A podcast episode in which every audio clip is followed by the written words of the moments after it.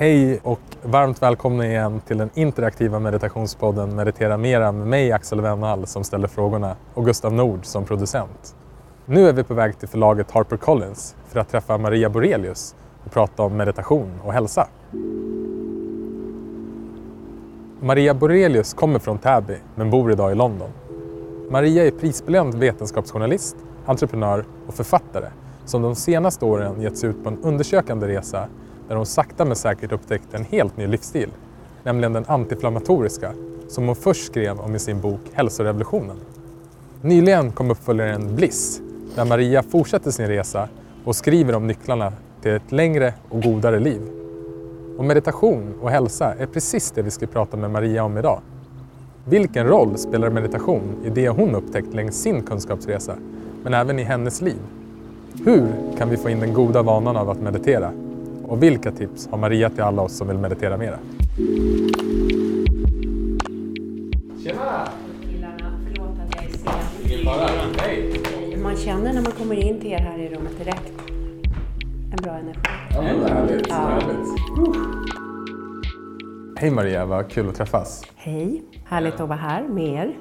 Vi ska ju prata om meditation och eh, hur du mediterar, men också kanske hur meditation hänger ihop med hälsa. Men innan vi börjar så tänkte jag föreslå att vi kunde göra en kort landningsmeditation här tillsammans. Helt underbart, det behöver jag. Så eh, vi sitter här nu på eh, ditt förlag, HarperCollins på Kungsholmen. Men oavsett vart du är så kan du göra den här meditationen. Det spelar ingen roll om du blundar eller har ögonen öppna. Och den här meditationen kan du verkligen göra vart som helst och när som helst. Börja med att påminna dig själv om vad du är tacksam för just nu.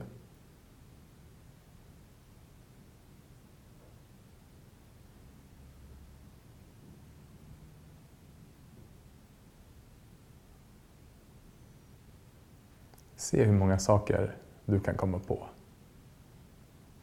Det kanske är de här väldigt stora sakerna i våra liv, som vår familj.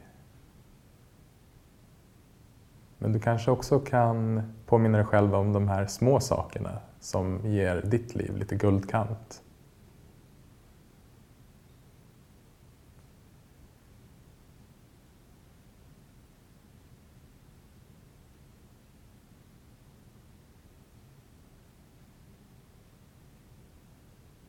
Tacksamhet är en fantastisk väg tillbaka till närvaro. För allt vi är tacksamma för finns ju här i verkligheten.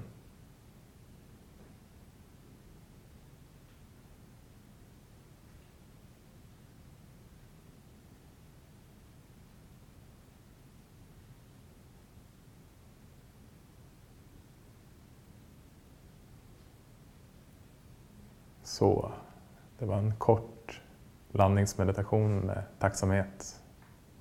Hej. Hej. Bästa starten. Det är första gången vi träffas idag, men jag kom i kontakt med dig första gången, eller rättare sagt kom i kontakt med att du mediterade första gången genom din bok Hälsorevolutionen. Och det är flera i min familj som har läst den och de fullkomligt älskar den. Så de är, jag tror de, de är mer exalterade över, än jag över att jag ska träffa dig idag och de hälsade och tackade så gott för den, Härligt. den Hälsa tillbaks. Ska jag. Och nu har du nyligen släppt eh, boken Bliss, där du fortsätter din resa. Och meditation och hälsa är det vi ska prata om idag, men hur kommer det sig att du börjar den här upptäcktsvärlden när det kommer med hälsa och hälsorevolutionen? Ja, det kom eh, för eh, sex år sedan när jag var i eh, det här oroliga förklimakteriet.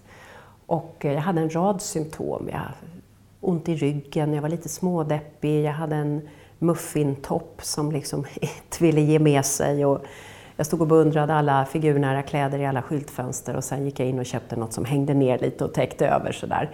Ehm, och jag gick till en gynekolog och han sa att ja, så är det när man är i din ålder. Det finns inte så mycket vi kan göra. Men så tänkte jag, jag måste i alla fall bli av med mitt ryggonda för det hindrade mig att leva det liv jag ville leva.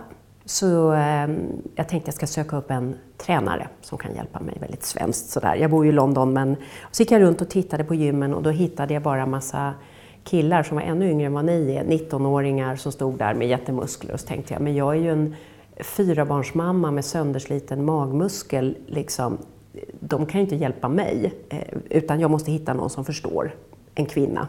Mm. Och eh, då hittade jag en kvinna online och det passade mig ganska bra, för jag reser rätt mycket i jobbet. Och hon gav mig, eh, trodde jag jag skulle få träningsprogram och så fick jag väldigt mycket matprogram också. Och hon ville att jag skulle göra tacksamhetslistor varje dag också. Apropå din meditation här i början. Det är lite spännande, eller hur? Ja, verkligen. Mm. Och jag började motvilligt följa allt det här, eh, för det var ganska jobbigt att lägga om. Och jag fuskade rätt mycket också. Men så kunde jag märka liksom efter två, tre månader att shit vad jag mår bra. Jag är så glad, jag är så ljus i det här. Och då eh, så la jag det bara på kontot jättebra program från den här tränaren. Men jag är ju vetenskapsjournalist och jobbar som konsult, satt då i rådgivande kommittén för Lunds universitet. Där fick vi besök av en professor en dag. Hon var professor i näringslära och höll på med ett helt nytt forskningsområde som hette antiinflammatorisk kost. Och jag satt och lyssnade sådär, ni vet som när någonting är bra men man liksom inte är personligt engagerad, det här lite grann. Så jag satt så här och lyssnade och tänkte, bra jobbat professorn, keep up the work. Mm. Eh, och hon berättade om hur den här kosten kunde sänka blodfetterna, sänka kolesterolvärdena och så vidare. Till och med öka faktiskt den kognitiva förmågan, alltså hjärnans minneskapacitet bara. Men så lägger hon upp en bild av den kost som hon hade givit de här människorna. Och då höll jag på att nästan hoppa ur stolen. Därför att det var precis vad jag hade ätit. Tänkte att det här var ett väldigt konstigt sammanträffande. Och det här var 2013, det fanns inget namn för det här ännu då, utan det var liksom väldigt nytt allt det här. Så jag gick fram till henne i pausen och sa, du jag äter faktiskt på det här sättet. Nej men det är inte möjligt, sa hon på skånska. Eh, det här är ju ett försök som vi har på gång. Jo, men jag gör det. Och tillsammans med en massa fitnesspersoner i Kanada och Nordamerika som jag håller på med online. Ja, vi bestämde att vi skulle hålla kontakten. Och jag tog kontakt med min tränare och sa Rita, det här som du håller på med, det har ett namn. Va? Vi har ju bara lärt oss det här praktiskt. Och där i alla fall började min resa. Jag blev fruktansvärt nyfiken. Fanns det en vetenskap bakom? Var det fler komponenter i det här? Var det så att den här motionen, tacksamheten, också hade spelat roll i det här antiinflammatoriska konceptet? Och vad var det? Jag är utbildad biolog. Shit, jag satt liksom och försökte komma ihåg allt. Den där kursen jag gick och läste ute i Frescati i immunologi. Vad var det vi lärde oss om det här och så vidare. Så där började en slags enorm nyfikenhet. Och jag, jag är en väldigt nyfiken person. Och sen började jag hålla på liksom gräva i det här under flera år. Jag har ju annat jobb på dagarna så jag höll på med det här på min fritid. Och ur det föddes liksom att jag bara måste berätta den här historien, vad jag har hittat. Egentligen inte att jag ville något med andra människor, för det tror jag man lär sig som meditatör, att man, man vet att man kan liksom inte påverka andra genom att hålla på och tala om för dem hur de ska leva. Och jag, jag gillar inte själv när folk är så mot mig, utan bara genom att vara det här och berätta min historia. Mm. Vad har du upptäckt sen dess? Du, jag upptäcker saker hela tiden. Det här är ju en resa som pågår ständigt. Mm. Men det är att, ja, för det första, den låggradiga systemiska inflammationen är kopplad till nästan alla våra stora folksjukdomar. Notera, jag säger inte att låggradig inflammation alltid ger de här sjukdomarna, men det kan vara en katalysator för, det stärker. Så vi har kopplingar till hjärt-kärlsjukdom, de neurodegenerativa sjukdomarna Alzheimer, Parkinson. Vi har kopplingar till många former av cancer. Vi har kopplingar till de psykiatriska diagnoserna. Det finns kopplingar mellan inflammation och depression, schizofreni, eh, manodepressivitet till exempel. Eh, vi har kopplingar till ledsjukdomar, magsjukdomar, hudsjukdomar, åldrande på engelska har man nu börjat tala om inflammaging, alltså det inflammationsdrivna åldrandet. Som, och det här är ju läkarna oense om, men vissa läkare jag har pratat med tror att det är 90 procent av åldrandet. Mm. Hudens kvalitet, mängden rynkor, alltså det är liksom en sån här, så många olika områden. Och det är då eh, den dåliga nyheten. Men den goda nyheten är att det finns saker vi själva kan göra som sänker den låggradiga inflammationen. Så det är ju det jag har ägnat mest tid åt, att titta på de här verktygen. Och det är att äta vissa typer av mat. Och det är att hålla på med ordentligt med motion, det är att varje dag få sin aktiva vila. Eh, när vi kopplar på vårt parasympatiska nervsystem, det vilande nervsystemet, vi har ett aktivt och ett vilande, och att varje dag aktivt välja att kroka arm med det under tidpunkter eftersom vår tid är så stressig. Och sen är det ju det här jättehärliga med förundran. Att söka upplevelser som är svindlande, stora och där vi liksom får, nu sträcker jag ut armarna här, det ser man inte på podden, men liksom famna universum. Tacka för naturen, musiken, konsten. Alltså när vi är med om de stora, det här när man får gåshud. Och också när vi gör saker för andra finns en annan slags förundran. Alltså att vi går ihop och nu räddar vi den här gamla härliga byskolan som vi har här för att vi älskar den. Eller vi går ihop och räddar ett stycke mm, regnskog i Amazonas för att vi vet att jorden behöver det. Alla de sakerna samspelar. Så det är det jag håller på att hitta och lär mig mer om. Mm. Men det slår mig när du beskriver om förundran att eh, det skiftet låter som att man går bort från sitt ego till en plats, vi kan kalla det ens själv eller en plats mm. där, där man verkligen upplever eller där man har en gemenskap med andra människor. Vad, vad säger vetenskapen om just mm. förundran? Nej, men det är ett vackert och metafysiskt sätt att uttrycka det som, alltså jag har pratat med forskare för att konkret är det så här att man kan se att människor, och det här är en forskare som heter Jennifer Steller, som varit på Stanford tidigare och är Toronto University nu. Och hon kan konkret mäta en koppling mellan inflammationsmarkörer som heter IL6, interleukin 6 i saliven, och stora naturupplevelser, konstupplevelser och också de här gruppupplevelserna. Och hur det medieras, det vet man ju inte riktigt. Mm. Men jag har träffat forskare som spekulerar i om det skulle kunna ske via eh, det lugnande hormonet oxytocin, som ju är just ett vi och det större hormonet. Så när du beskriver att den tar en bort från egot ut i det större så är det just vad det där hormonet gör. Mm. Det utsöndras också till exempel vid amning. Och då skapas ju ett vi som är större än mammans jag med bebisen och så vidare. Och, och, när man har sex utsöndras det också. Då skapar ju någonting som är större än en själv bortom, bortom jaget. Så att eh, du kanske är något på spåret där, att det är just det det handlar om. Så otroligt spännande. Ja.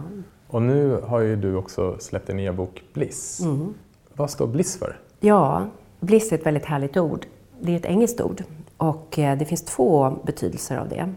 Och det första är ju själva känslan bliss. När man är blissful, då är man fylld av salighet, fylld av den här känslan att man liksom flyter på en gyllene ström, att allting är upplyst, förklarat, möjligt, lugnt. Men det är också en akronym där var och en av bokstäverna BLISS står för en princip i den här antiinflammatorisk princip. Så det är ett både och-ord. Mm. Och i det första S, om jag inte missminner mig, mm. så står det för stillhet. Just det. Och eh, där i ligger också meditationen. Ja, som ett jätteviktigt verktyg, ja. Det är ju mitt främsta verktyg för stillhet. Mm. Om jag inte bara tar några djupa andetag, för det är också ett sätt att snabbt koppla på det här. När kom meditationen in i ditt liv? Ja, herregud. Meditationen kom in i mitt liv 1989. Jag var supergravid, programledare på TV och var toppstressad hela tiden. Och min stackars baby i magen, hon fick ju vara med om, liksom, det var direktsändningar varje dag och jag var trött och utschasad och road. Så som man, när man är på den här stressnivån, man mår ju toppen egentligen först. Eh, och då hade jag en kollega på det här programmet som heter Trekvart som hette Annika Dopping. Och Annika är en mycket fin person, mycket andlig på det här nyandliga sättet. Och hon hade mediterat i flera år. Och jag såg hur hon drog sig undan varje dag i 20 minuter och kom ut därifrån alldeles slät i ansiktet. Medan jag gick där med min stora mage och liksom bara, du vet, ännu mer lasersyn och ingen humor och allt det här som man får. Så jag liksom, vad är det du gör? Du, vad jag gör där inne, det behöver du göra också, sa hon. Och hon mer eller mindre tvingade mig att börja meditera och hon sa, jag kommer ihåg hon packade in mig i en bil och vi åkte iväg. Eh, hon sa, du är förbannad nu, men du kom, för jag hatar när man tvingar mig, men du kommer tacka mig sen och det gör jag verkligen nu. Tack Annika! Och eh, då fanns det en underbar meditationslärare i Stockholm som hette Ulla Sjögren. Och hon var en otroligt vis, varm, men inte ett dugg sjåpig person. Och hon hade själv blivit initierad av Maharishi, den här, alltså TMs grundare. Och jag kommer ihåg, hon tog emot mig på en lägenhet borta i Vasastan i Stockholm, nära Odenplan. Och eh, hon stod där i sån här full sari. Om det var rökelser och bild på Maharishi och jag tror vi skulle ha med några frukter, så jag hade med någon sån här konsumpåse med bananer och några blommor. Mm. Men Ulla hon snackade lite så här söderdialekt. Va? Så hon, om nu ska vi initiera, alltså, det var liksom sån kul kontrast mellan det här Wow, vad händer nu? Och frukterna och sarin. Och så här, om nu snackar vi lite så här och nu är det meditation. så det var, men eh, då började den här resan och jag hade förmånen att få ha henne som eh, min instruktör. Och det var ju fantastiskt, eh, för vi gick då och träffades den här meditationsgruppen som var verkligen helt vanliga olika människor, alla hade olika behov. Och så sågs vi några gånger efter vi hade fått vårt mantra eh, och, och fick börja lära oss det här. Kan inte du berätta lite mer om vad TM är och, och hur du mediterar? TM är transcendental meditation och det använder sig av ett mantra, ett sånt här välklingande sanskritord som egentligen är ett nonsensord, det betyder ingenting. Eh, och man får ett speciellt för sig enligt någon logik som jag har hört rykten om vad den är, men man inte får, men jag får aldrig avslöja, jag har aldrig avslöjat mitt mantra för någon. Alla jag är på mig och frågar, jag har aldrig berättat. Det här ordet är mitt. Och eh, vad man gör när man, eh, är att man lugnt sätter sig ner, tar några renande andetag, tar tag i mantrat och använder det som ankare i meditationen. Mitt huvud är ju liksom alla andras fullt av tjattrande apor som tycker och är oroliga och funderar och vill och liksom alla röster. Och när det där sätter igång det där trädet med apor inom en så tar man bara tag i sitt mantra igen och går tillbaka. Och så kommer aporna igång. Ja, men nu borde du ha tvättstuga mm. och nu borde du ha lämnat in det där och kunden vill ha det. Mantrat. Och för varje sån här cykel så liksom kommer man längre och längre ner i sin trästam, brukar jag tänka. Och har jag tur kommer jag ner i mina rötter också. Det lyckas jag inte alltid med, men jag hittar mitt lugn. Så ungefär ser min teknik ut. Och sen, jag har ganska bra känsla för när det har gått 15-20 minuter. Då tar jag några renande andetag. Sen, och sen brukar jag faktiskt be efter det. Jag har blivit mer och mer intresserad av min religion och jag upptäcker att meditationen öppnar mig för bön. Mycket att be för andra människor som jag har. Så istället för att ha dem bland mina tjattrande apor så tar jag dem i min bön sen efteråt. Mm. Är det i din bön då, är det att du önskar, önskar dem lycka? Och... Ja, liksom skicka ljus. Mm. Det kan vara människor som står mig nära, som har problem. Ja. Påminner mig lite grann om mätta meditation, kärleksfull vänlighet, när man tänker på människor, i, både som i sin omgivning men även alla människor mm. och skickar dem kärlek och välönskningar. Fint! Ja, det är en jättefin eh, del av eh, mindfulness-meditationen. Mm.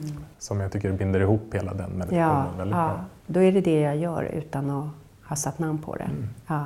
Fantastiskt. Vad ger meditationen dig i ditt liv? Och jag kan inte leva utan meditation idag. De morgnar när jag inte hinner, hinner i citat, därför att jag väljer att inte prioritera av någon anledning, eh, så, så får jag en annan dag. Jag kan känna att när jag mediterat innan så skapas ett skimmer kring dagen, ett ljus. Det är inte så att mina dagar är perfekta, jag lever ett vanligt liv, men jag har, det är som att ja, det finns större ljus och det är kanske för att jag också har mer ljus och då möter jag mer ljus i andra. När jag inte har mediterat så känns det mer liksom så här, som en grå dag i tunnelbanan. Allting sker som det ska, men det är gråare.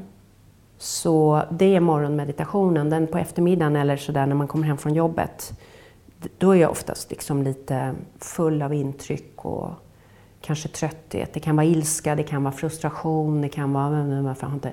Och då tar meditationen, som Ulla alltid brukade säga, den tar hand om det den behöver ta hand om. Är det din trötthet? Är det din ilska? Är det din frustration? Är det din vad är, det, är liksom, det är som en stor sopskyffel som liksom bara vräker undan det där och ger ett nytt liv till resten av dagen. Jag låter som jag är världens proffsmeditatör. Det är jag ju inte, men det här är vad det ger mig i alla fall. Mm, det låter fantastiskt. För då hade du med, med dig meditationen när du, när du gav dig in i din kunskapsresa. Ja.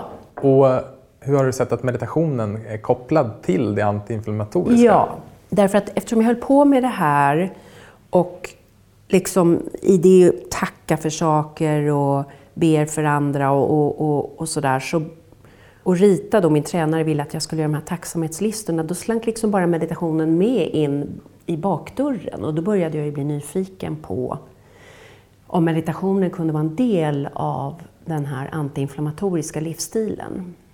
Och, eh, och då kan man ju se, det finns mycket ny forskning nu som jag berättar om i Bliss till exempel, de här det man kallar telomerändarna och det är väldigt intressant då, telomererna. Eh, om man tänker sig att vårt DNA ligger upprullat i kromosomer som ser ut ungefär som X. Och i ändarna på de här Xen så sitter det vi kallar telomerer som är en slags slutpunkt för de här ändarna. Och längden på dem avgör en människas, inte faktiska ålder, men hur ung den ser ut och hur ung den känner sig. Det är fantastisk ny forskning, Nobelpriset 2009, Elizabeth Blackburn. Och jag var och träffade hennes medarbetare Elisa Apple, professor i psykologi i San Francisco här i november. Och där håller de på att titta på bland annat hur faktiskt meditation kan förlänga de här telomererna. Mm. Och att förlänga telomerer, det är verkligen att föryngra och läka. Och eftersom meditation bryter stress och stress är inflammationsdrivande så finns det en effekt där också. Och det förmedlas väl förmodligen av att liksom man aktiverar det här parasympatiska vilande nervsystemet. Alltså när, när vi är i det sympatiska så är vi aktiva men vi tär också på kroppen. Och när vi är i det parasympatiska då är vi, jag brukar tala om att då är jag min panda, man är tillbakalutad, man tuggar lite på ett bambuskott, man smälter, man mediterar. Och då bygger kroppen upp sig också. Så när man ger medveten tid för pandan, om man säger, så läker man sig själv, verkar det som. Så att eh, många tycker ju så här, jag har inte tid att meditera. Nej, men det är verkligen självmedicinering, verkar det som, va? på ett djupt biologiskt plan. Mm. Och sen finns det ju så många andra fördelar med det också i vad det gör med ens tanke och sådär, men om man bara tittar på det här rent fundamentala biologiska. Jag vet ju att det finns studier där, precis som du beskriver, och framförallt en, en studie som lyftes fram i, i jag brukar eh, recitera tillbaka till den boken mm. ofta, men det är för att den är så fantastiskt bra. Stillhetens styrka, vetenskapen och meditation. I den boken så har man då också sett en studie från ett tre månaders retreat. Precis, och retreat, det pratar med Elisa Eppel mycket om, att det är just jättebra att åka iväg på de här mm. koncentrerade grejerna. Mm. Och just precis som du beskriver att eh, telomererna då ökade hos, mm. hos den här kontrollgruppen mm. som har gjort det här retreatet. Det som slår mig också när du pratar om det här är att det är så intressant att se vad, inte bara vad den subjektiva upplevelsen är av meditation utan också den vetenskapliga mm. upplevelsen. Och, och, jag brukar prata väldigt mycket om att meditation är mental träning. Precis som att vi kan träna oss fysiskt så kan vi träna oss mentalt. Men det viktiga är ju att vi, att vi tar, tar, oss verkligen tiden och prioriterar mm. upp där. Ja, nej men jag håller med. Och jag, tro, jag tror att många som börjar meditera, och det kände jag själv också, man känner att man blir så självisk. Åh, nu ska jag gå och sätta mig för mig själv i en hörna. Vem tror du att du är? Är du någon österländsk guru eller liksom? Det är ju patetiskt.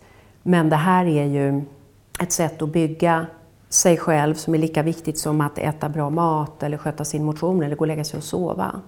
Och det här har ju våra vänner i Asien vetat i tusentals år och använt sig av. Och faktiskt också, som jag upptäcker i Bliss, finns det här även i den kristna traditionen från ökeneremiterna som satt eh, 200-300-talet efter Kristus på, på, långa pelare ute i den egyptiska öknen. Det är kanske inte det vi behöver göra, det är lite extremt.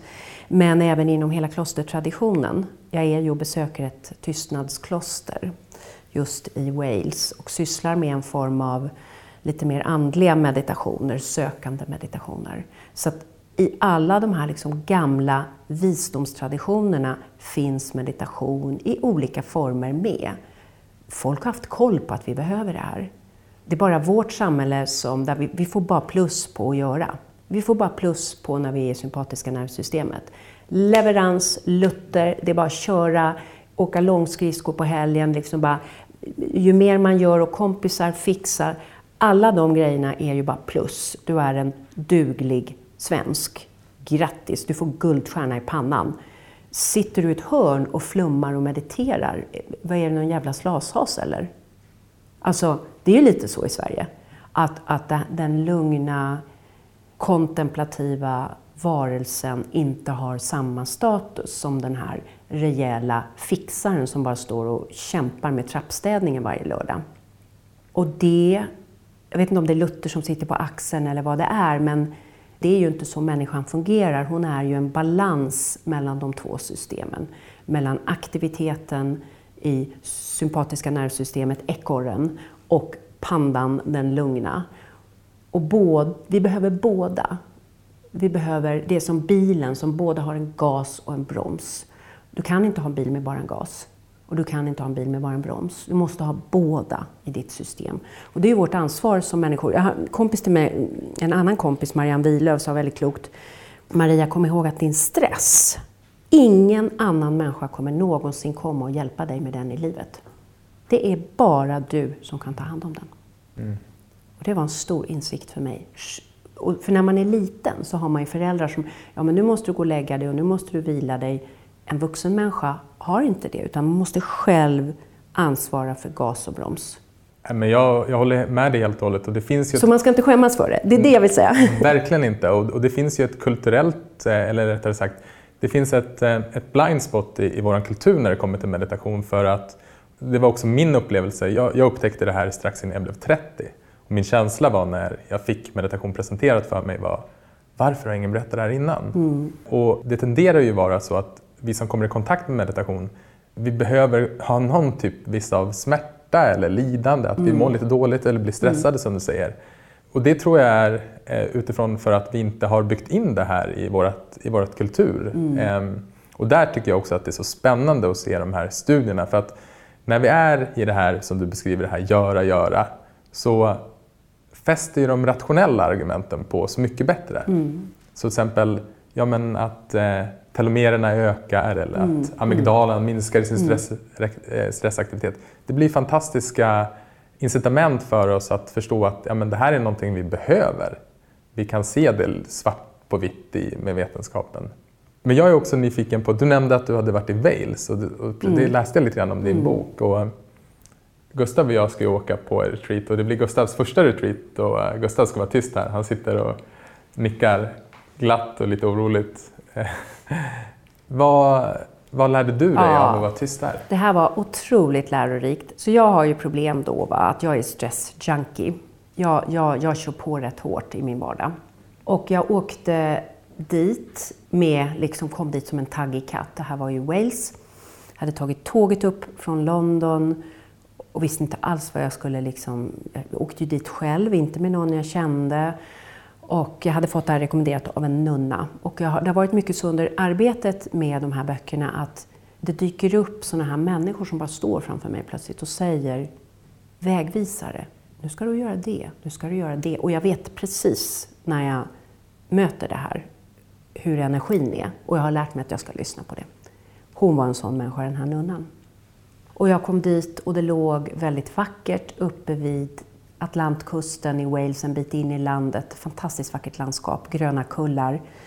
Och det var intressant att se vad jag gick igenom för att först så är man lite så här, vad är allt det här? Och, och, och, och lite ryckig och flackig med blicken, eh, liksom så här. Och sen sjunker man ner i det här och så tycker man ganska fort, ja men nu kan jag det här med tystnad. Nu är jag trött på tystnad.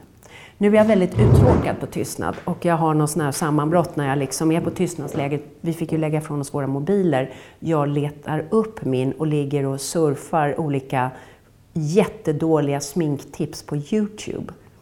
Och så tänkte jag så här, jag är 58 år, det här är ju superpinsamt. Varför, varför gör jag det? Ja, jag vill åka hem och rastlös det här. Liksom. Nu kan jag tystnad, jag har lärt mig allt jag behöver lära mig. Sen kom det dagen efter. När jag vaknade tyst på morgonen i det här klostret och det var en väldigt vacker morgon och jag bara kände det pirrade i hela kroppen. Någonting var på väg. Och jag gick ner i köket i klostret och det var alldeles tomt. Klockan var sex på morgonen. Och hittade lite vatten och kaffe eller någonting sånt där. Och sen gick jag upp till mitt rum och satte mig just och mediterade. Och då bara började jag att gråta så hejdlöst över... Det känns som liksom allt kom som hade varit svårt i livet. Men också grät över hur jävla härligt det var med livet. Alltså allt. Hela spännvidden.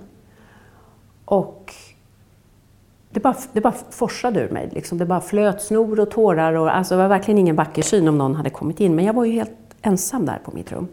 Och efter det så hade jag ett, ja, som jag tror ett gudsmöte som jag aldrig varit med om förut. Att jag bara kände att det kom någon och, och, och satte sig bredvid mig. Så det här var någon slags meditation, tårar, jag vet inte vad det var. Jag försökte meditera men jag bara, jag bara grät. Det var, det var som att liksom allt det här släppte ut. Och så kom, eh, fick jag det här fantastiska gudsmötet och fick liksom en väldigt tydlig riktning om att jo men du blir så jäkla trött och stressad av att du hela tiden är i huvudet. Ner i hjärtat. Ner i hjärtat. Där finns allt egentligen. Så, ja, så det här var ju en väldigt stor upplevelse. Och så gick jag till ehm, den präst som jag, eh, ignatiska, alltså de här jesuitprästerna, de är jätteintressanta. Och pratade med honom om det och han var fågelskådare dessutom och gick där ute i Wales och han sa ja men vi har ju en ormvråk här ute och de ligger ju och flyter med sina breda vingar här. Men så fort det kommer en liten eh, vind så kastar de till med vindarna och försöker hitta balansen igen. Och så är det att vara människa, sa han. Vi ligger där och vi vill flyta, men så kommer något. Någon säger något dumt. Shit, jag har fått en räkning som jag inte förstår mig på. Något med barnen händer. Bråk på jobbet, bråk med partnern. Ja, allt det här som är livet. Och vi kastar till. Och då gäller det att hitta ner i sin köl. Och det är ju i hjärtat. Och där kommer ju meditationen in. Liksom att hitta den här kölen, den här balansen i livet. Så att det som är en biologisk grund är ju kopplat till något liksom, som hör hemma i, i någonting mycket större också. Att ja, hitta sig själv som människa. Liksom. Vad, vad, vad finns jag till för här på jorden? Och vad är min identitet? Och då upptäcker man, som du sa väldigt intressant här tidigare, att när jag är i mitt ego och i alla mina tankar om hur saker borde vara här uppe i huvudet, jag sitter och bankar mig på pannan nu mm. på sjätte chakrat, så har man ju väldigt tråkigt. Det är ju jättetråkigt att vara egot. Mm. Och när jag kan gå ner i hjärtat och det större hela så har man ju, alltså inte ett roligt liv lika med garva, men ett meningsfullt liv på ett helt annat sätt. Så det har kommit mycket sådana tankar och, och, eh, och jag tror också att det här antiinflammatoriska hänger ihop med det, för jag märker att sen jag började med den livsstilen så jag är mycket mer öppen för nya tankar. Alltså jag är mycket mer som jag var när jag var yngre. Jag är inte så fast i hur saker behöver vara. Utan jag tänker så här, jag lär mig hela tiden. Varje dag lär jag mig något. Långt svar. Väldigt fin metafor med ormvråken. Jag mm. hade själv en upplevelse igår där det kändes som att bägge vingarna bara försvann och jag störtdök rakt ner. Men det jag märkte var att de få korta gångerna där jag kunde gå från det här stormiga, de här stormiga tankarna och bara landa in i och fullständigt acceptera hur det var. Och oavsett hur mörkt det var. Så där fanns det en paus. Där mm. fanns det ett litet utrymme att vila. Där var det okej, okay, vilket gjorde den situationen drägligare, ska vi kalla det. Mm. Och um, jag tänker också på när jag hörde berätta om att hela det här skiftet att gå, jag tror jag skulle kalla det olika ord, samma sak, men att gå till närvaro. Och när vi är helt närvarande så jag, tycker också det är intressant den här frågan, vad är meningen med livet? Det var en mm. fråga som jag hade mycket förra sommaren. Och så började jag liksom fråga lite vänner, ja, men vad är meningen med ditt liv? och så där. Men så hörde jag ett bra svar på det som har gjort att jag slutat söka meningen med livet genom att fråga människor.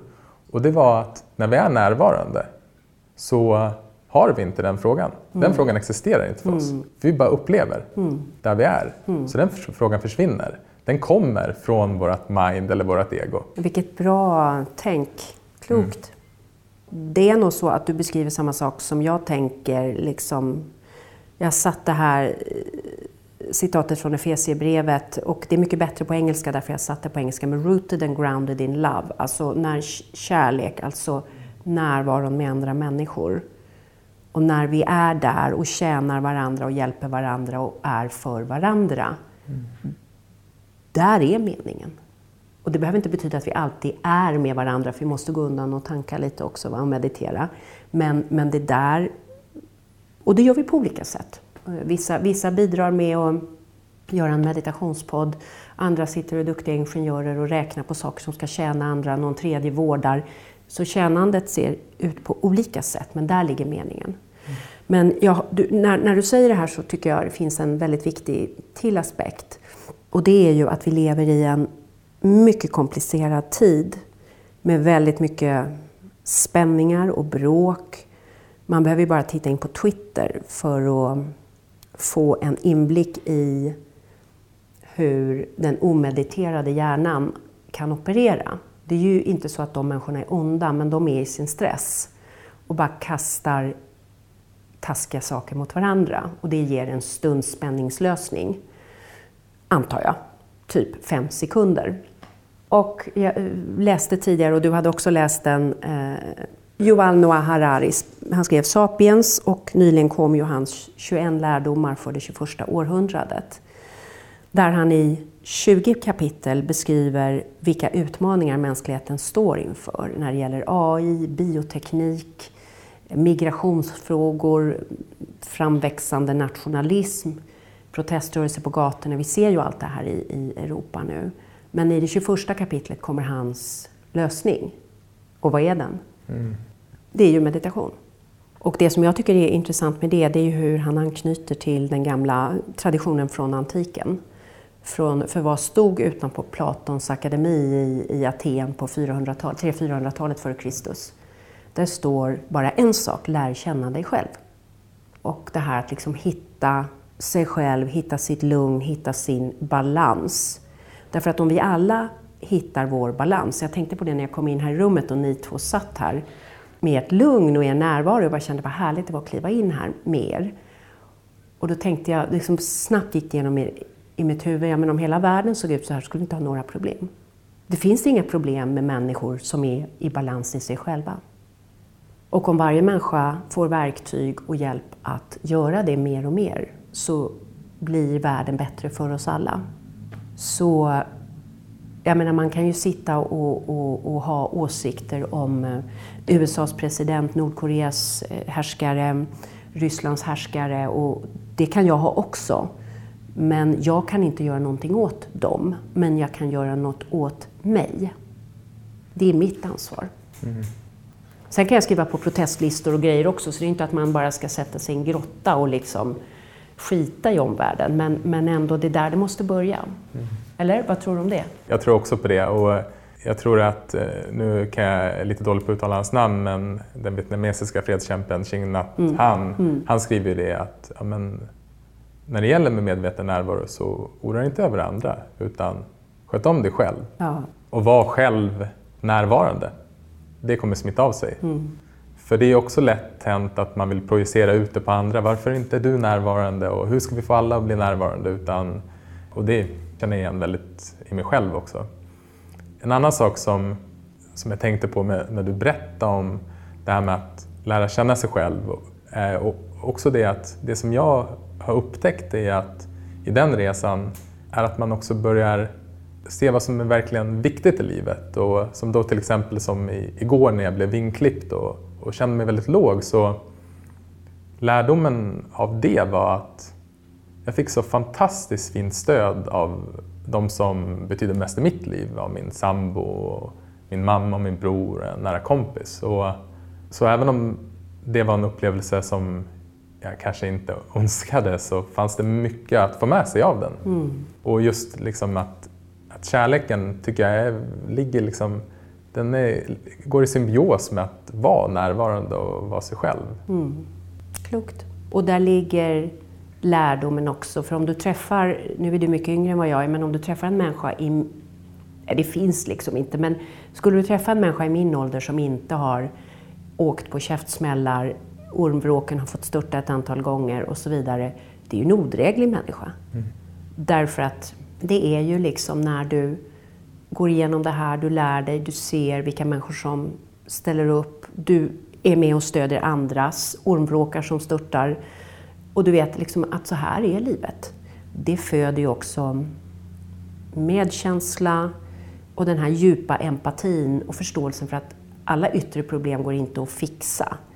Utan vissa saker får vi bara lära oss att leva med och behöver hitta interna copingmekanismer. Så det är ju ur de här svårigheterna, alltså det låter som en klyscha men jag menar verkligen det inifrån mig själv, att utifrån våra svårigheter och våra, när vi, våra ormvråkar liksom långsamt får försöka kravla sig upp. Ur en sån cykel föds också mycket ljus och mycket insikt. Och, och meningen med den här existensen, vi pratade ju om det, det är ju också att vi ska få lära oss saker. Det är inte att vi ska gå helt bara som eh, ormvråkar som bara ligger hela livet och bara flyter rakt fram. Så ser ingen människas liv ut. Det finns inte. Nej, ödmjukhet är ett annat ord som kommer till mig mm. när du beskriver det här.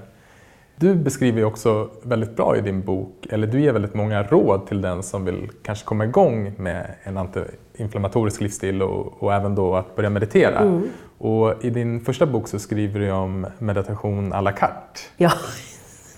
Vad har du för tips till eh, alla oss som eh, kanske vill få till ännu fler meditationer? Alltså jag säger det, jag är ingen proffsmeditatör så jag kan ju bara gå berätta vad jag... Och för det första, att inte vara så pretentiös.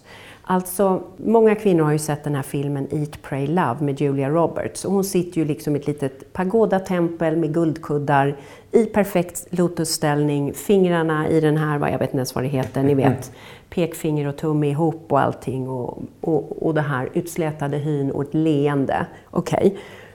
Så ser inte en vanlig meditation ut, utan man mediterar där man kan. Det är det jag menar à la carte.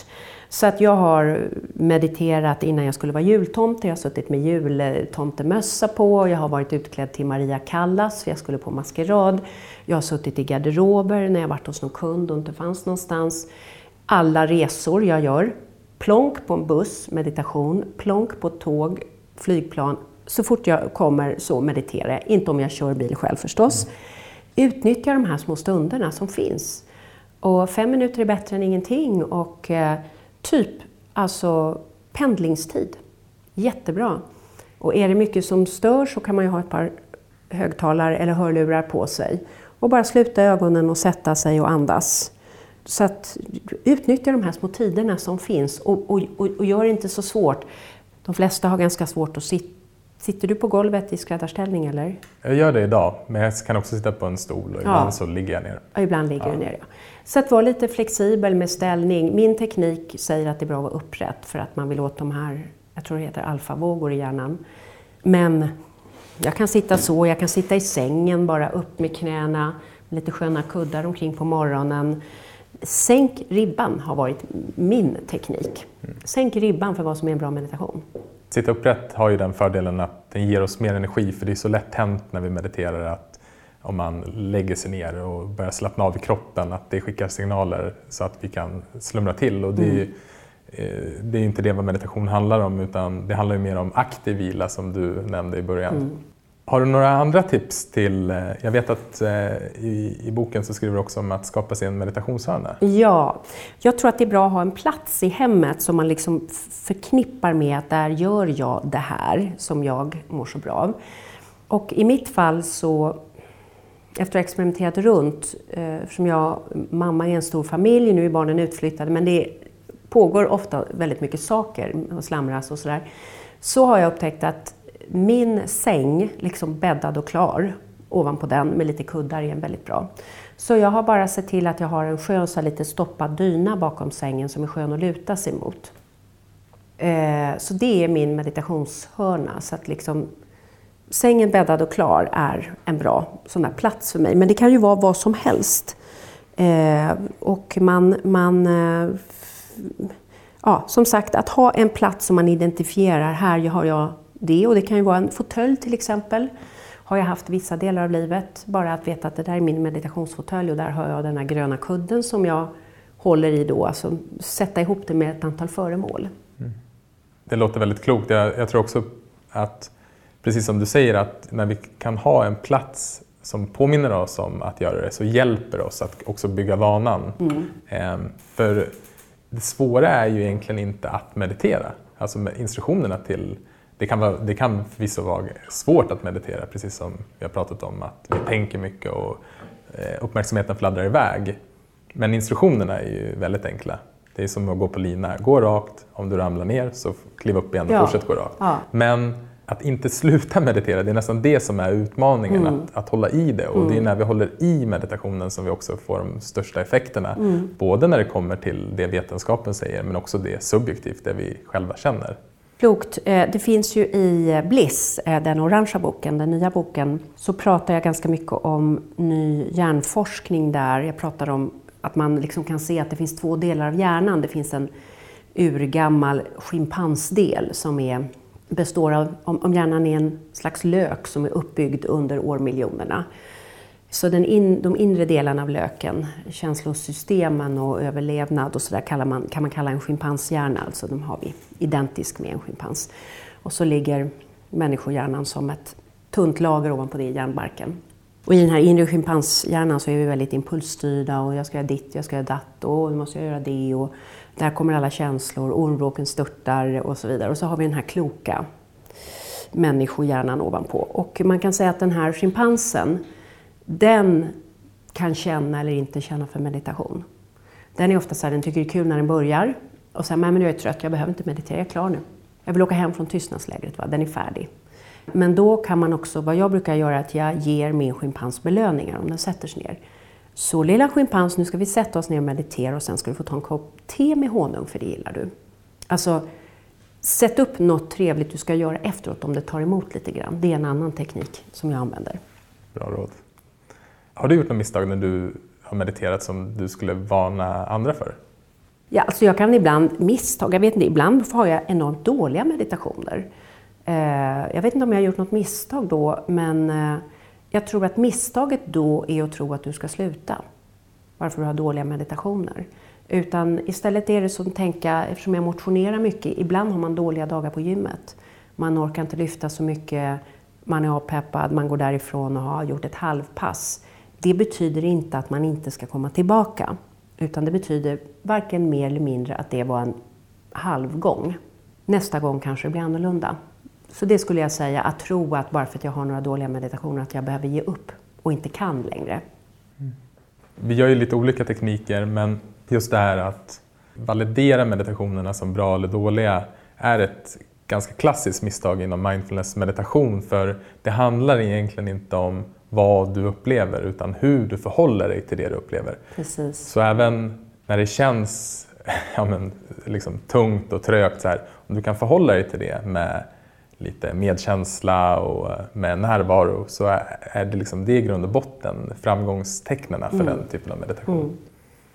Men vi ska ju meditera lite tillsammans här med dig idag. Mm. Mysigt. Ja. Kan inte du berätta lite grann vad vi ska göra? Ja, då tänkte jag att vi skulle kunna göra en variant av TM fast med universalmantrat OM. Som ju hinduerna menar påminner om någon slags urljud, universums urljud OM. Och eh, då kan vi bara sätta oss bekvämt på en stol. Fötterna lite isär, sådär lagom. Händerna så att det känns skönt på låren och eh, känna att vi har balans. Huvudet sitter skönt där det ska, precis lagom ovanpå halsen som sitter ovanpå axlarna och vi är avspända i axlarna. Och så andas vi in och ut några djupa andetag.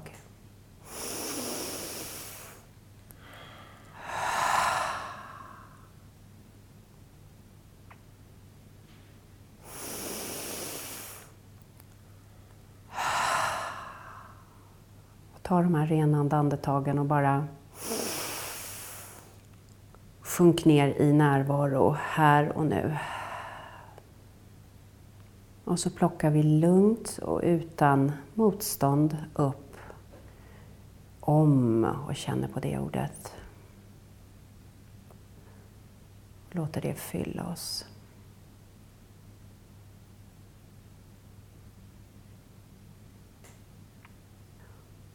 Och det kommer massa andra tankar.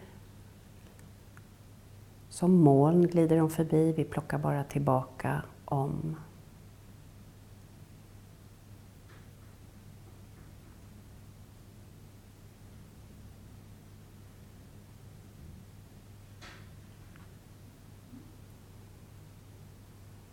Och när det kommer andra tankar som ploppar upp och distraherar går vi lugnt tillbaka och utan kraft till mantrat om.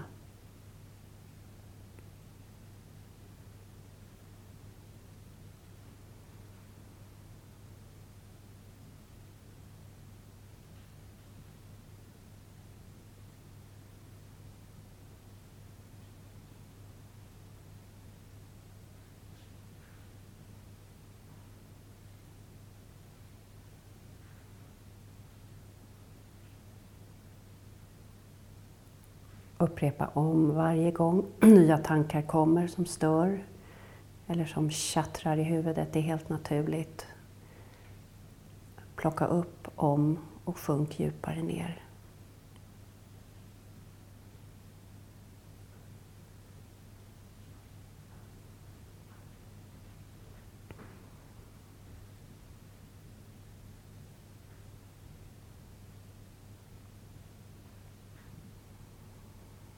Känn hur andningen blir lugnare, tryggare, bottnar längre ner i magen.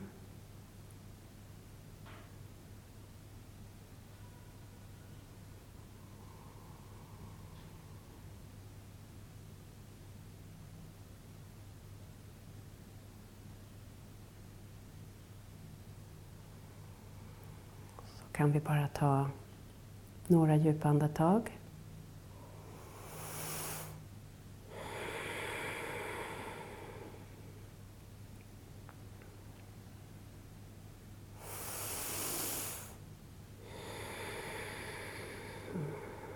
Komma upp lite mot ytan. Och så slutar vi med att plocka upp människor som ligger nära oss eller som vi bryr oss om. Och så ser vi dem i ljus och glädje.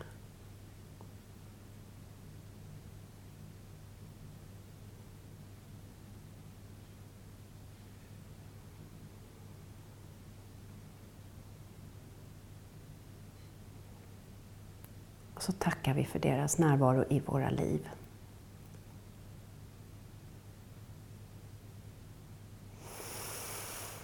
Och tar ett djupt andetag och öppnar ögonen. Nu sitter jag här med två meditationskillar, vad härligt! Tack! Ja. Wow! Det här är ju definitivt den bästa delen med det här jobbet. Det är helt fantastiskt. Ja. Vilken fin meditation. Mm. Tack för att jag fick dela med er. Mm. Har du något tips på någon gäst som du skulle vilja höra i Meditera Mera? Ja, människor som gör svåra och utmanande saker och använder meditation för att hitta lugn i sig själva är spännande att lyssna till. Men det måste ju vara någon som mediterar också. Visst förstod jag det rätt? Att du, alltså någon som kanske till exempel är en forskare? Eller ja, någon, någon som, som, någon som gör något Viktigt. polis. Ah. Typ, alltså så här, Karin Götblad, är hon en sån som mediterar? Hon är ju väldigt härlig. Ja. Alltså, någon som gör något tufft, utmanande. Som liksom, där det ligger så här och pressar hela tiden och använder det här för att... Det tror jag vi kan lära oss mycket om. Och om man vill komma i kontakt med dig, hur gör man det enklast? Det här ligger nu i min nya grej att um, jag kan inte svara själv längre på alla e-mail, för jag får så många.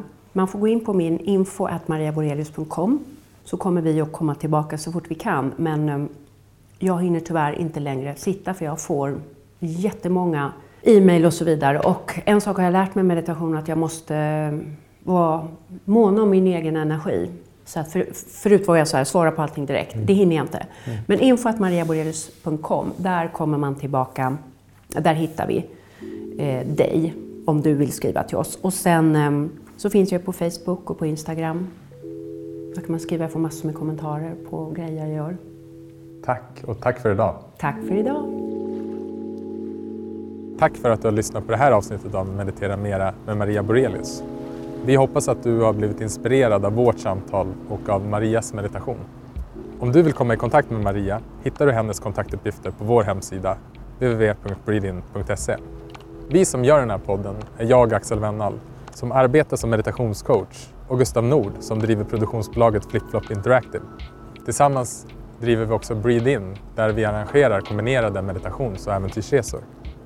Och vi skulle bara vilja ta det här tillfället och rikta ett stort tack till alla er som lyssnar och till alla er som sprider podden. För det är nämligen så att vi växer så det knakar hela tiden. Så fortsätt gärna tipsa era vänner. Betygsätt podden eller skriv ett omdöme på iTunes så kanske vi tillsammans kan inspirera hela Sverige att i alla fall testa att meditera. Och är det någonting vi har tagit med oss från eh, dagens samtal med Maria är att mental träning leder till fysiska förändringar både i vår kropp och i vår hjärna. Så pass att våra telomerer kan bli lite längre.